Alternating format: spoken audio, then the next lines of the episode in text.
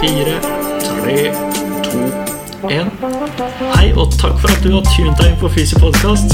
Jeg er veldig glad for at du lytter på denne podkasten. I dag så sitter jeg her med Simen Rygg, og vi skal snakke litt om eh, unge utøvere og vekstrelaterte skader.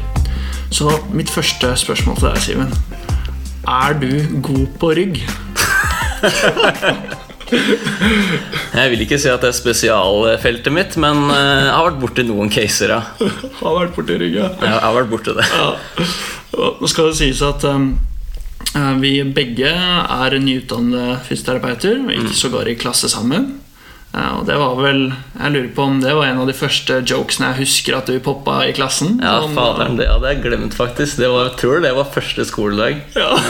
Da måtte alle sammen gå opp én og én og si hva vi het, og hvorfor vi hadde lyst til å begynne å studere fysioterapi. Da kunne jeg dra den eh, joken at jeg heter jo faktisk Rygg. ja, det er jo fantastisk. Da, det var en bra icebreaker, følte jeg. Ja, ja. Skjønte med en gang at eh, det står en klassekar der oppe. yes.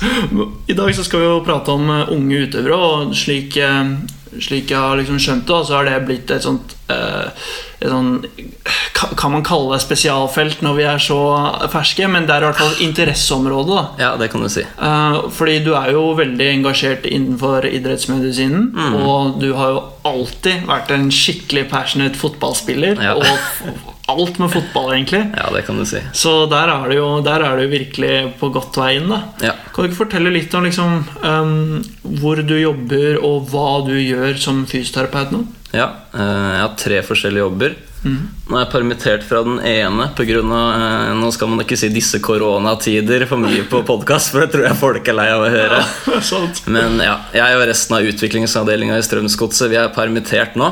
Eh, så ja, jeg jobber i en fotballklubb. eh, og da er den utviklingsavdelinga som er under A-laget. Hvor vi jobber med spillere som er fra ja, 12 til 19 år. Så alt som rører seg fra 12 til 19 år i Strømsgodset, det er ofte min business så lenge de er i den utviklingsavdelinga. Så der har jeg jo mye unge utøvere med spesielt vekstrelaterte skader, og også mye annet. Mm. Så det er permittert per nå. Eh, Vi håper jeg kommer tilbake snart, for jeg savner jobben veldig, og alle trenere og spillere. Ja. Eh, Så det er litt kjipt nå om dagen, men eh, satser på å komme tilbake snart. ja. Og så jobber jeg også her hvor vi er nå, på Idrettens helsesenter. Under Idrettens skadetelefon. Ja. Hvor jeg da også er halvveis permittert, men nå har jeg 21, et eller annet prosent stilling. Så det blir litt jobbing her nå. Altså Den siste jobben da er jeg helprivat som fysioterapeut på Trimmen i Drammen. Kjempebra. Eh, ok, Hvis vi bare hopper rett på temaet her, da. Den unge utøveren. Hva er det man ofte ser i klinikken uh, hos uh, disse som driver med mye idrett og er unge? Det jeg ser mye av, da, det er ofte overbelastningsskader. Eh, og det kan både være overbelastning i muskulatur, men kanskje oftest overbelastning i form av vekstrelaterte ting. da Så barn som f.eks. får slatters, Sinding Larsen, eh, litt sånn forskjellig. Severs, ikke sant. eh, generelt apofysitter. Nå ser jeg ofte fra, fra livet og ned, for det er der fotballspillere ofte blir skada. Ja. Så jeg ser ikke så mye over der. Ja. Eh, men det er vel det det er mest av. Hvis vi bare skal ta en sånn rask eh, tur innom eh, den lille terminologien vi var gjennom der. Ja. Uh, slatters, hva Ja. er det for noe? Uh, slatters, det er jo da Eller jeg kan begynne først med apofysitt. da Ja, Altså en apofyse. Det er jo en vekstplate i kroppen, ikke sant? ja Der beinet vokser og strekker seg, liksom? Ja, Så der skjer jo mye i vekstprosessen. Ja. Og så har du slatters. da Det er jo den eh, apofysen som sitter på apex patella, ikke sant? Nederst på kneskåla. Som da kan bli irritert. Det er da vi kaller Nei, unnskyld, det er Sinding Larsen. Det er Sinding Larsen, ja. Sorry, nå blander jeg. Ja. Begynner å bli seint. Ja, ja, det har vært en lang dag Slattersen er på tuberositas tibia. Ja. Der sitter den apofysen. Ja, riktig. Så da har du Slatters rett under kneet på tibia. Så Ja. har du da Sinding Larsen, som er eh, broren til, eh, til Slatters. Det kan du godt si. eh, som sitter på eh, Ja, basis eh, pa, Apex på tella. Ja. Fy faen, det er slitsom dag, ass. Ja, ja. Øh, Det er bra hvis dere hang med på den lille detouren vår der. Bra. Men ok, eh, la oss si at eh, disse kommer inn med en overbelastningsskade. Um, hva er, det, hva er det du gjør da? La oss, la oss ta utgangspunkt i dette vi snakket om nå, disse Slatters og Sinding Larsen. Ja. Hva, hva kan man gjøre med dette? Det er ikke så mange medisinere for det. Det er belastningsstyring. Så det er den Ja. store greia. Og det, det er generelt innenfor idrettsmedisin. Og det går mye på belastningsstyring. Og da spesielt for de som har de vekstrelaterte skadene. Hva er den hissige, den Slattersen eller Sinding Larsen, og du kjører på videre, da skal jeg love deg at de får mer vondt. altså. Ja. Så det gjelder å ta dem ut av den aktiviteten som er vond, til symptomene har rotet seg ned, og gradvis bygge dem opp igjen. Mm. Ja, det er jo øh, sånn øh, kort og godt fortalt rundt det, da. Eh, er det liksom noen sånne Hva skal man si? Noen sånne mønstre på, på noe som gjentar seg i f.eks. anamnesen med disse pasientene? Er det liksom Hvorfor var det nå at de fikk vondt? Er det noe liksom mønstre der? Ja, det er jo ofte Jeg har spilt eh, cup i helga for førstelaget og andrelaget, og så trening med de på mandag, og så ny kamp igjen på tirsdag. ikke sant? Og det er jo et rått kjør da, på disse eh, små barna som driver mye med idrett og er veldig gode. Så da blir de ofte veldig aktive, da. Ja. Øh, sånn, øh, en sånn ting jeg også har hørt, er sånn ofte hvis de f.eks. starter La oss si de er i ungdomsskole til videregående alder, Ja. og så skal de inn på en eller annen sånn toppidrettslinje, eller noe sånt. Ja. Og så var det litt um, Kall det hermetegn lat sommer. Ja. eh, og så kom de inn på skolen. Typisk. Helt ny treningsplan. Masse nye ting å forholde seg til. Og så sitter de på klinikken her. ja. Da er det brå endring i belastning. Ja. Og det, kroppen er ikke så veldig fan av det. Nei. Så det er typisk da du ser skadebonanza hos disse her. Det er etter juleferien Ja. og etter sommerferien. For da har de tatt med ro, ikke sant? og så er ferien over. Og da er trenerne gira, og spillerne er gira. ikke sant? Yes. Og da, da kommer det. Ja, riktig. Ofte. Hvor mye tar de det ut av idretten eh, når de kommer med vondt i kneet f.eks. og har slatters? Først så tar jeg dem helt ut. Ja. Eh, Og når de kan komme tilbake til meg og si at jeg ikke har noe vondt lenger, da begynner vi å mate dem gradvis inn igjen. ja.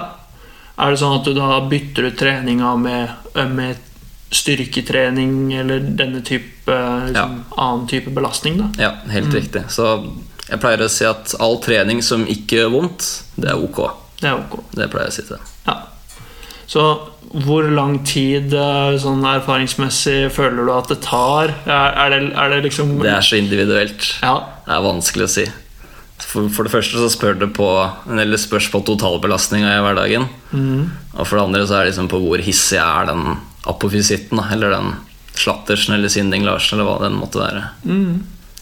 Hvis, uh, hvis vi bare tar kort innom de muskulære situasjonene Ja.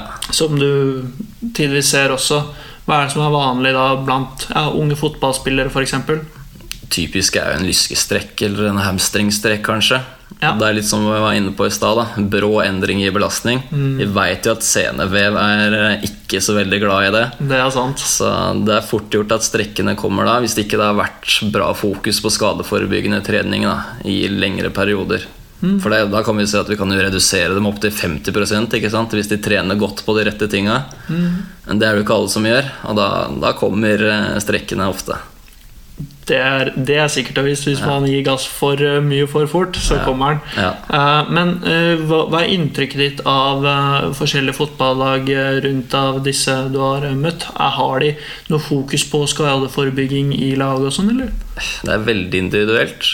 Jeg har reist ut til noen klubber hvor jeg også syns de gjør det ganske bra, egentlig. Å bruke god tid på eh, oppvarming før trening, både med og uten ball. Eh, det jeg syns jeg ser litt lite av, det er at de bruker tid på disse skadeforebyggende øvelsene. Da. Gjerne etter trening. Ja. For de vil helst bruke treninga på fotball eller håndball eller hva det måtte være. ikke sant? Eh, og Da blir det ikke like mye fokus på den skadeforebyggende delen. da Som det synes det er litt synd at du ikke bruker mer tid på. Ja. For det er så lite som skal til. Og det kan utgjøre så sinnssykt store forskjeller hvis du legger litt i potten. Mm. Det er en sånn der eh, balansegang eh, i det på en måte også. Fordi eh, når man går fra å være barn eller, og, og liksom mot ungdom, da, Mm. så er, er man jo kanskje med på idretten fordi man syns det er gøy å drive med idretten. Mm. Og spørsmålet er liksom sånn Når har det blitt så seriøst at det er viktig å liksom legge inn det felles, da? Eh, Jeg vil egentlig si fra det de begynner å vokse. Og sånn sett er det store individuelle forskjeller. Ja, Så sånn sett så burde man kanskje klare å individualisere det. da Men nå kan det være litt dumt hvis det er en breddeklubb. da Og så tar du de som har kommet så og så langt i puberteten, skal ut og trene skadeforebygging. Ikke sant? Ja. Så vi kan like så godt lære de som ikke er, har begynt å vokse det også, da, mener jeg. Ja, det er, det et poeng, det. Bare Absolutt. få det inn så fort som mulig. Få det i gang, ja. Ja. Men uh, hvis vi Det er jo liksom uh, mange aspekter rundt den unge utøveren, da. Ja. Uh, fordi det er jo ofte foreldre som står på bak, kjører disse barna på kamp på bortelaget, kamp med B-laget, Mm. Ja, trening med naboklubben. Ikke sant? De er, det, er, det er en sånn egen liga, det der med Mm. foreldre som er skikkelig Ja, ja. Oppfostrende for barna at de kan få, få drive idrett. Mm. Um, og i hvert fall ser jeg for meg da, at hvis uh, ja, disse unge, utøverne kommer jo kanskje ofte med foreldrene sine også til fysioterapi. Mm. Uh, det, er, um, det er sikkert varierende grad i liksom, hvor mye foreldrene mener noe om det. Mm. Men uh, liksom, har du noen tanker uh, sånn, rundt hvordan man skal forholde seg til foreldrene? Eh, ja, først er det kanskje også å være flinke og informative og prøve å holde ting enkelt. Og så prate litt med deg om totalbelastning. da At en kropp tåler så og så mye. At du ikke skal kjøre den for hardt, for da blir det ofte vondt. Ja. Så er det egentlig det å lære foreldrene at barna må, og det gjelder treneren òg, at de må trene mer variert. Ja. For ofte så blir det ensidig. ikke sant? Det morsomste et barn vet, er jo ofte å spille kamp. ikke sant? Og hvis man får lov til, sånn som du sier, da, spille en bortekamp på tirsdag og så en kamp for andre laget på onsdag, ikke sant? fordi Ja. du er god, så vil man jo gjerne det. Ja. Men kropp, det er ikke alltid kroppen tåler det, vet du, når det er eh, I hvert fall i de som er i vekstfasen. da Og også videre med oss som begynner å bli litt eldre. Ja, ja. Eh, Så nei, da kommer det fort skader, altså. Ja. Um, sånn uh, Det er jo sikkert mange som uh, har veldig høy respekt også for det fysioterapeutene har å si. Da. Mm. Uh, og det er jo kanskje en sånn, en sånn kalle en rolle å ta. Da. Sånn at uh, Ja, nå ser jeg at bildet er sånn, Mm. uh, men det, det funker ikke i lengden å kjøre, uh, kjøre på så høy belastning. Mm. Uh, her kan jeg hjelpe dere med å gi et alternativt opplegg. Mm. Og uh, jeg tror at, uh, ja, at dette, hvis, eh, hvis både liksom eh, ungdommen eller eh, den unge utøveren Mm. eh, er med på det her, og du også er med på å hjelpe denne utøveren Mm. til å gjennomføre det, så er jo det ikke en så dum miks. Nei, det er jo ikke det. Så um, de, de um, skikkelig utfordrende foreldrene, da, de som er veldig på at barna er ja, de skal bli proffe, Ja. og uh, dette, er, uh, dette er viktig. Ja. Hva gjør man med, hva gjør man med disse, disse foreldrene? Min erfaring hittil det er egentlig at de fleste foreldre er ganske åpne for innspill eh, og mm, kunnskap da, om hvordan dette her funker. Ja, Og skjønne at eh, en fotballspiller eller en håndballspiller på øverste nivå De har jo også hviledager, dem òg. Og det selvfølgelig må jo barna også få. Ja. Men det er ikke alle som skjønner det.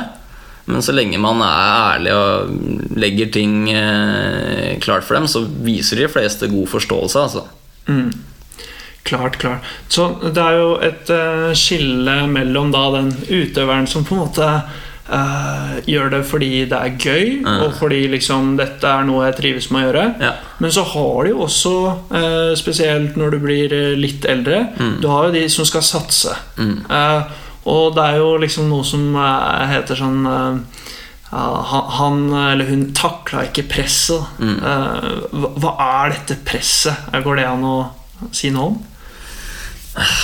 Det spørs om du mener om det er det mentale eller det fysiske presset. Da, for det er jo press på begge, begge aspekter. Definitivt. Eh, Så jeg tror man kan bikke under for begge deler. Absolutt. Mm.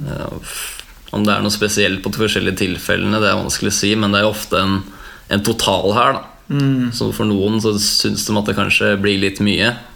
Mange som har troa på deg, og så kanskje du er litt skada, og så må du rushe med å komme tilbake. ikke sant? Ja. Eh, kanskje du mister litt lysten, at det blir for mye mas, at du mister moroa i det. ikke sant? Og det er jo det vi må prøve å unngå. Det beste er jo at folk kan holde seg aktive med noe de syns er morsomt, så lenge som mulig. Jeg, Klart. jeg tror på at det er det beste generelt for folkehelsa. Jeg. Ja. ja, det er liksom at det skal være en litt sånn leken eh, tilnærming eh, til det hele. Ja, du skal bare mm, ja, ha en morsom aktivitet som du kan holde på. Sånn at du slipper å falle ut fra alt, enten fordi du syns det er kjipt at eh, det er for mye ork eller for mye mas, hvis du skjønner hva jeg mener. Mm. Ja, jeg skjønner, skjønner godt hva du mener. Uh, Det gjelder for oss òg, som er oppe i åra. ikke sant? Ja. At vi har en eller annen aktivitet. Oppe i. Ja, begynner å dra seg på litt. ja, Vi er ikke den unge utøveren lenger. Nei, det er vi ikke. Det er vi ikke. Nei, Men altså det at man bare har en eller annen aktivitet å gå til, da. Det, det, jeg synes det er det beste å høre. Når jeg får inn en pasient som er 40 ikke sant? og spiller eh, bedriftsbandy, så er jo det helt konge, ikke sant? Absolutt. Ja. Eh, Men uh, disse um, Disse som har skikkelig, uh, skikkelig lyst da, eller sånn Hvis du Uh, hvor, hvor, hvor ofte føler du at du tar en sånn kartlegging i liksom det mentale blant disse unge utøverne? Eh, liksom eh, Er det noen sånne Og i så fall, hva, hva er det man snakker om da?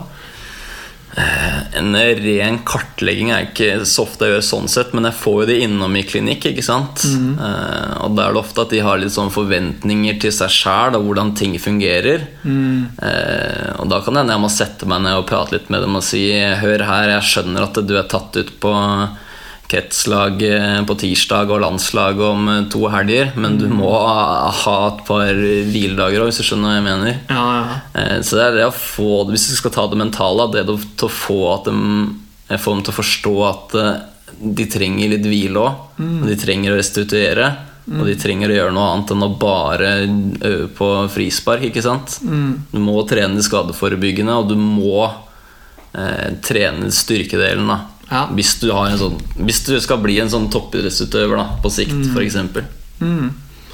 Og så eh, er det jo liksom eh, en sånn interessant eh, del av det også hvilken Nå snakker vi om de som kanskje er utad veldig sånn på at 'jeg skal bli best', Ja. jeg, skal, 'jeg skal på landslag', 'jeg skal vinne OL'. Eh, og litt den motivasjonen de har for å skulle gjøre det. da liksom hvilken, uh, hvilken kvalitet har denne motivasjonen? Uh, og i det så ligger jeg da kanskje i at uh, gjør de det her fordi de har skikkelig lyst De ser for seg at de står på pallen. Førsteplass på OL, og det er liksom det, det beste? Eller gjør de det for at liksom vennene deres syns det, er- liksom, det er anerkjent i vennegjengen å være god i noe?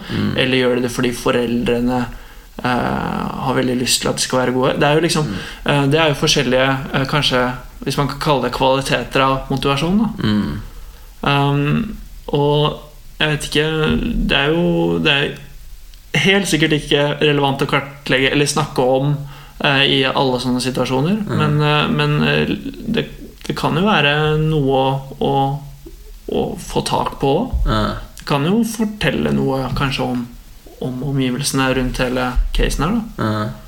Vet ikke, Hva tenker du om det? Altså Det er jo som du sier, at det er jo, antag eller det er jo garantert mange tilfeller av alt av det der. Eh, Det jeg ser aller mest i godset, eh, føler jeg i hvert fall, og jeg blir ganske godt kjent med utøverne, det er Ja. utøvere som virkelig vil sjøl. Altså. Ja. Det er få ganger hvor jeg har tenkt at ok, her vil mammaen eller pappaen mer enn spilleren. For det er å oppleve en veldig stor indre drive da, hos de spillerne vi har hos oss. Ja. Så dem føler jeg at dem vil virkelig eh, opp på det A-laget hos oss, altså, og, bli, eh, og bli profesjonelle fotballspillere. Det, og det, det er kudos til de gutta. Ja, fy søren. Og det, det er jo en Det kan man jo kanskje argumentere for er liksom en, en god motivasjon også, da, for ja. Å, å skulle lykkes. Ja, og de er knallflinke òg, så det er, der ligger alt til rette. Ja. Hvis vi er Eller er det liksom noen mer alvorlige skader eh, som eh, forekommer hos eh, unge utøvere? Det er dessverre en litt lei trend nå, Mm. eh, hvor vi ser at eh, alvorlige skader hos unge utøvere blir det mer av. Ja. Eh, Jeg har hørt fra kollegaer at de har hatt utøvere med store korsbåndskader helt ned i 10-11-årsalderen, ikke sant? Oi, det var tidlig. Ja, så det, det er jo mareritt-scenarioene, ikke sant? Ja, fy søren. Men eh, ja, etter hva jeg har skjønt, så er det en økning i alvorlige skader hos de yngste, og det er ikke bra. Har eh, Eller eh, hva, hva er konsekvensen hvis du blir skikkelig alvorlig skadet som en ung utøver? Er det Si du ryker korsbåndet når du er ti, da. Og så skal du tilbake til rotasjonsidrett. Du driver med Ja, ta håndball, da. mm, Og du har skikkelig lyst til å bli håndballspiller, og så får du anbefaling om at her burde du faktisk kanskje finne på noe annet. mm, Og så kanskje du ryker korsbåndet igjen, da, ikke sant, opp gjennom dette her. Og hvis du da har ryket korsbåndet to ganger eh, og vært inne med kniven der og skal tilbake igjen, ikke sant, da sier det seg sjøl at det har vært mye action i det kneet hvis du skal fullføre en hel karriere som idrettsutøver. da. Ja. Og det er jo tidlig vondter, da, ikke sant? Det er, snakker jo artrose, ikke sant? Det kan bli eh, eh, Bli eh, tidlig nye proteser, og det, det er jo ikke bra. Vi ser jo idrettsutøvere nå som kommer fram i media, ikke sant? som har hatt mye kjipe skader, og som nå sliter med smerter etter karrieren.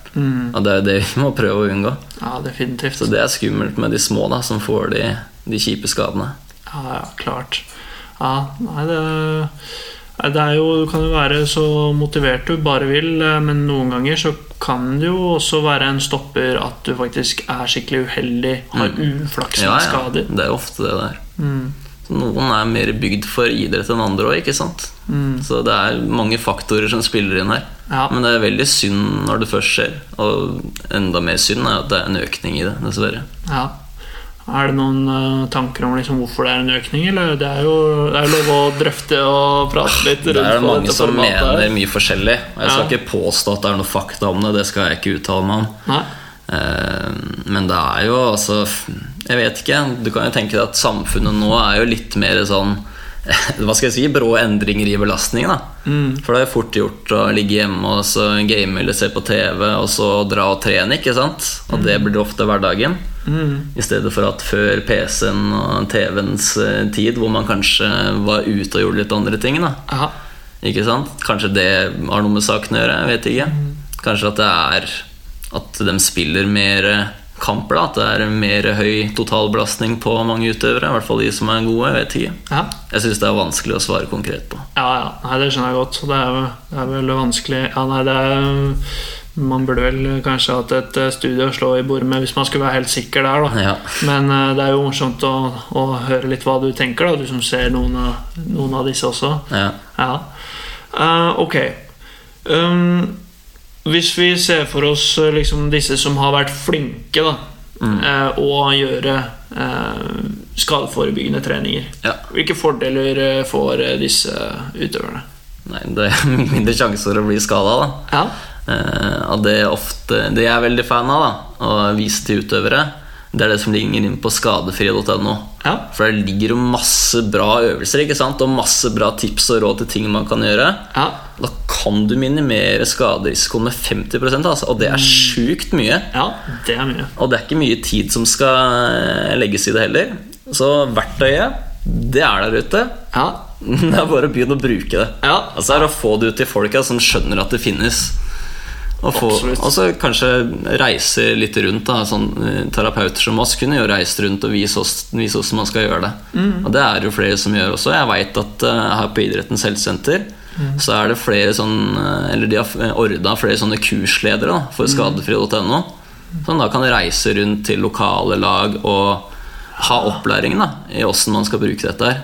Smart. Så det oppfordrer jeg alle idrettslag til å kunne benytte seg av hvis man får sjansen. Ja, Skadefri.no der, altså. Skadefri.no. Ja, ja vi, får, vi legger jo eh, Vi tar oss og lager en sånn der um, innlegg på fysio.no til denne podkasten. Ja. Så legger vi ved alle linker og litteratur som eventuelt skulle være aktuelt Ja, eh, der, da.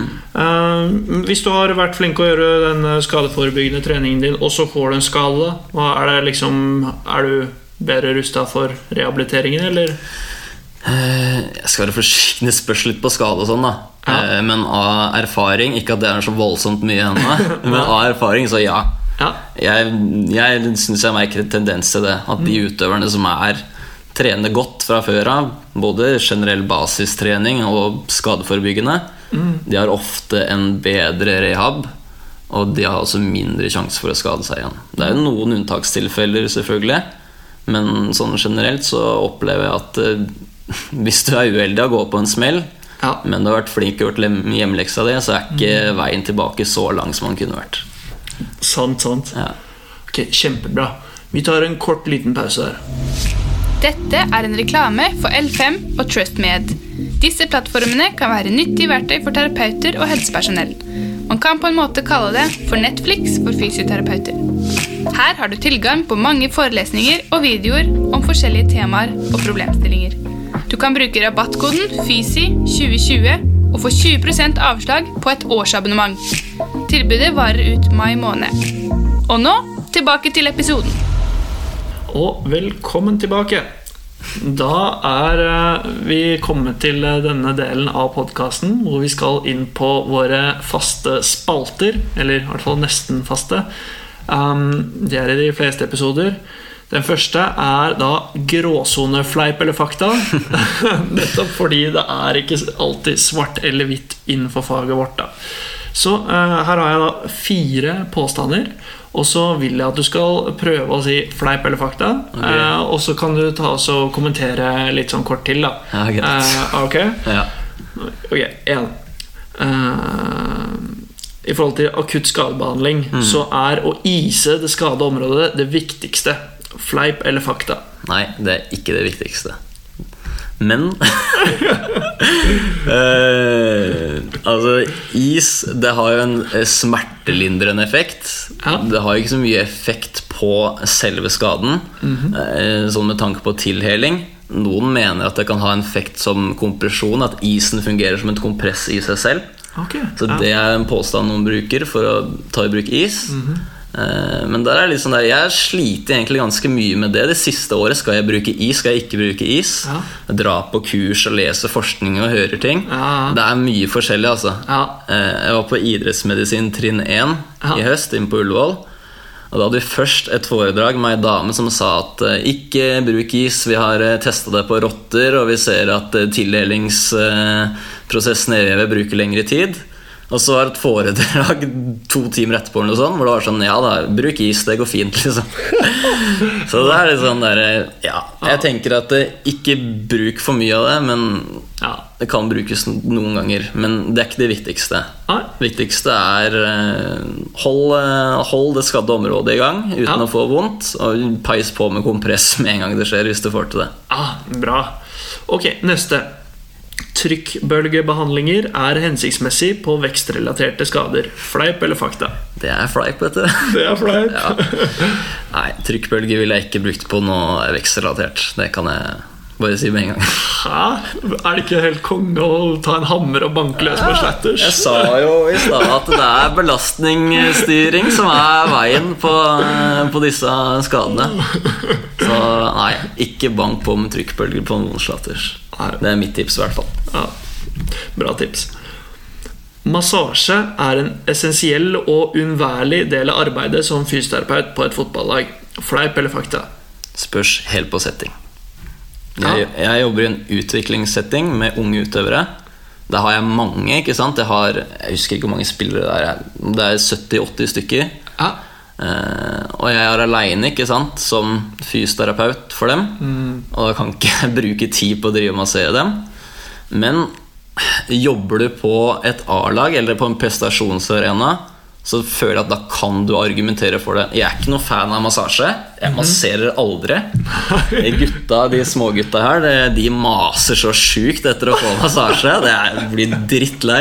Eh, Så jeg må bare si nei hele tida. Så er jeg ærlig med dem om effekten. At den er litt eh, så som så. Men det er digg, selvfølgelig. Jeg syns jo det er dritdigg å få massasje, jeg Men jeg har ikke noe lyst til at det skal være en del av min praksis i en utviklingsavdeling. Men kommer du på et A-lag hvor du har flere terapeuter, og du har færre spillere og det, det er mye penger på spill ofte, ikke sant? Og det handler om å vinne den kampen. Ja.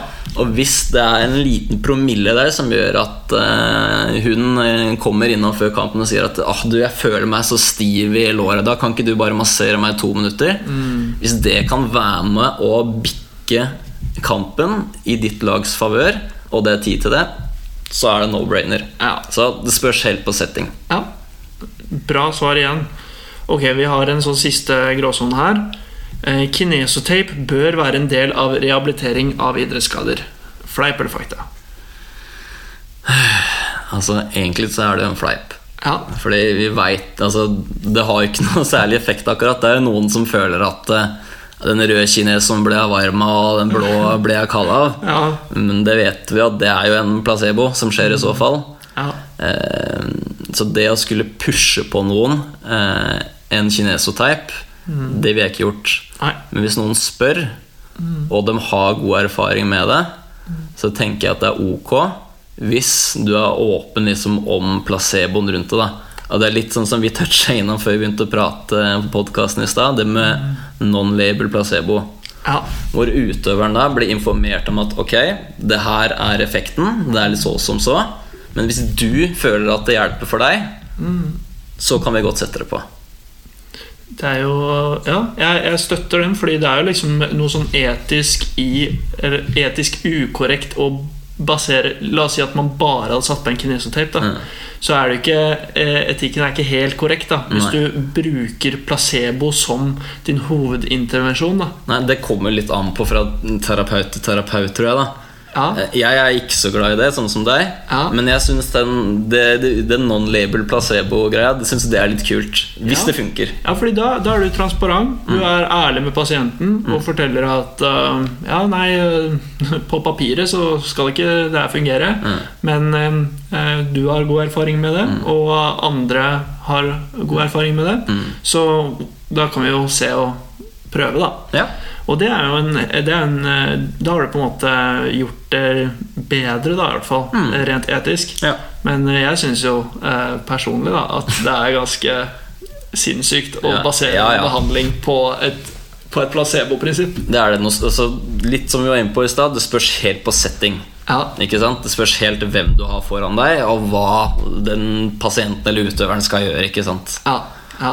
Er eh, Valdemar på eh, 69 år som eh, kommer inn og har vondt i skulderen, liksom, så skal Ja. ikke du si at eh, den kinesoteipen her er underverker, og du blir frisk med en gang. Men er det Nora på 20 som skal spille NM-finale for eh, Røa, ikke sant? og hun sier at 'jeg føler virkelig at det her hjelper', liksom, ja, da setter hun jo på. ikke sant? Ja. Så lenge du er ærlig og åpen om hva effekten er. Sant. Så det spørs helt. Ja. Ehm, flott. Det var en eh, artig eh, liten uh, gråsone eller fleip.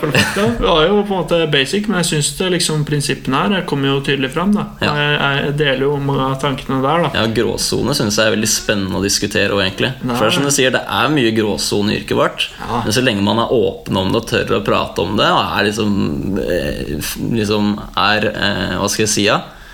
Eh, har litt peiling på det man snakker om, da Mm. så syns jeg det er ganske spennende, faktisk. Ja, ja, jeg er helt enig. Um, ok, Skal vi ta oss og hoppe til eh, neste spalte?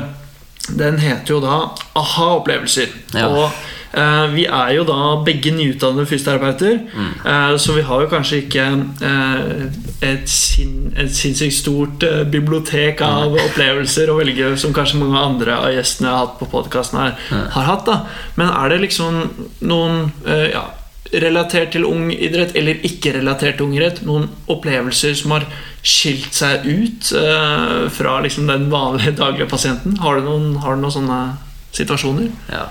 Eh, jeg, har, jeg har tenkt mye på det, da. For du spurte meg jo om det Eh, At jeg eller ba meg i hvert fall tenke litt på det da før Ja, vi skulle spille den podkasten her. Eh, Jeg syns det er veldig vanskelig å liksom, komme fram til noe konkret.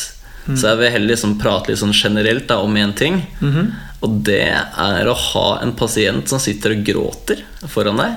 Gjerne når du er alene òg. Ja, det er spesielt. For jeg husker det skjedde første gangen da var jeg i praksis. Ja. Og Da satt jeg med terapeuten og pasienten, og pasienten begynte å gråte. Så sa terapeuten er det ok at studenten din min er her nå. Dette er veldig nyttig læring for han. Ja, det gikk fint. Det er ganske spesielt å sitte og følge med på. Og så er det enda mer spesielt idet jeg hadde min egen kliniske setting aleine med en pasient som var faktisk en del år eldre enn meg. Men som begynte å gråte altså, etter vi begynte liksom å prate om hvordan ting er, og hva som har skjedd i det siste. Ja. og det har nå skjedd en tre-fire ganger etter at jeg begynte å jobbe. Ja. Og det, det minner meg litt på at det er eh, Det er ikke altså vi, er, vi har en viktig rolle da, i dette her. Liksom. Vi må ta folk på alvor, og vi må være flinke til å trøste. Og vi skal ikke bare være den terapeuten som pusher på med øvelser og tjo og hei. Vi må hva skal jeg si, være, jeg skal være forsiktig med å si for mye om det, være litt hobbypsykologer. Ja, ja, være medmenneskelig Ja, rett og slett. Ta, ta de pratene som trengs. Ja, og det altså, Som ung terapeut, ung og nyutdanna terapeut, å ha et voksen menneske som sitter foran deg og gråter, det føler jeg er en, det er en slags tillitserklæring. Det er det. det er på en måte noe veldig fint med det Mm. Eh, altså veldig spesielt. Så det kan du si har vært noen slags aha-opplevelser for meg da, nå i starten. Ja, ja, ja, det skjønner jeg godt. Hvordan er det liksom um, Har det vært uh, en spesiell måte du har tatt det på, eller hva, hvordan liksom møter du en sånn situasjon? Det er, det er ett verktøy jeg har tatt veldig godt i bruk, som du hadde på en podkast. Jeg husker ikke hvem gjesten var, men det er det verktøyet å lytte.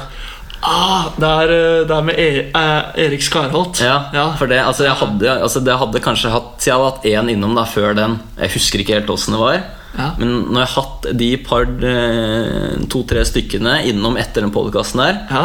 så har jeg bare korte, åpne spørsmål, ikke sant? Øyekontakt, eh, lavt stemmeleie, lytte. Lytte, lytte, lytte. Vis forståelse, ikke sant? Det har funka dritbra for meg. Ja.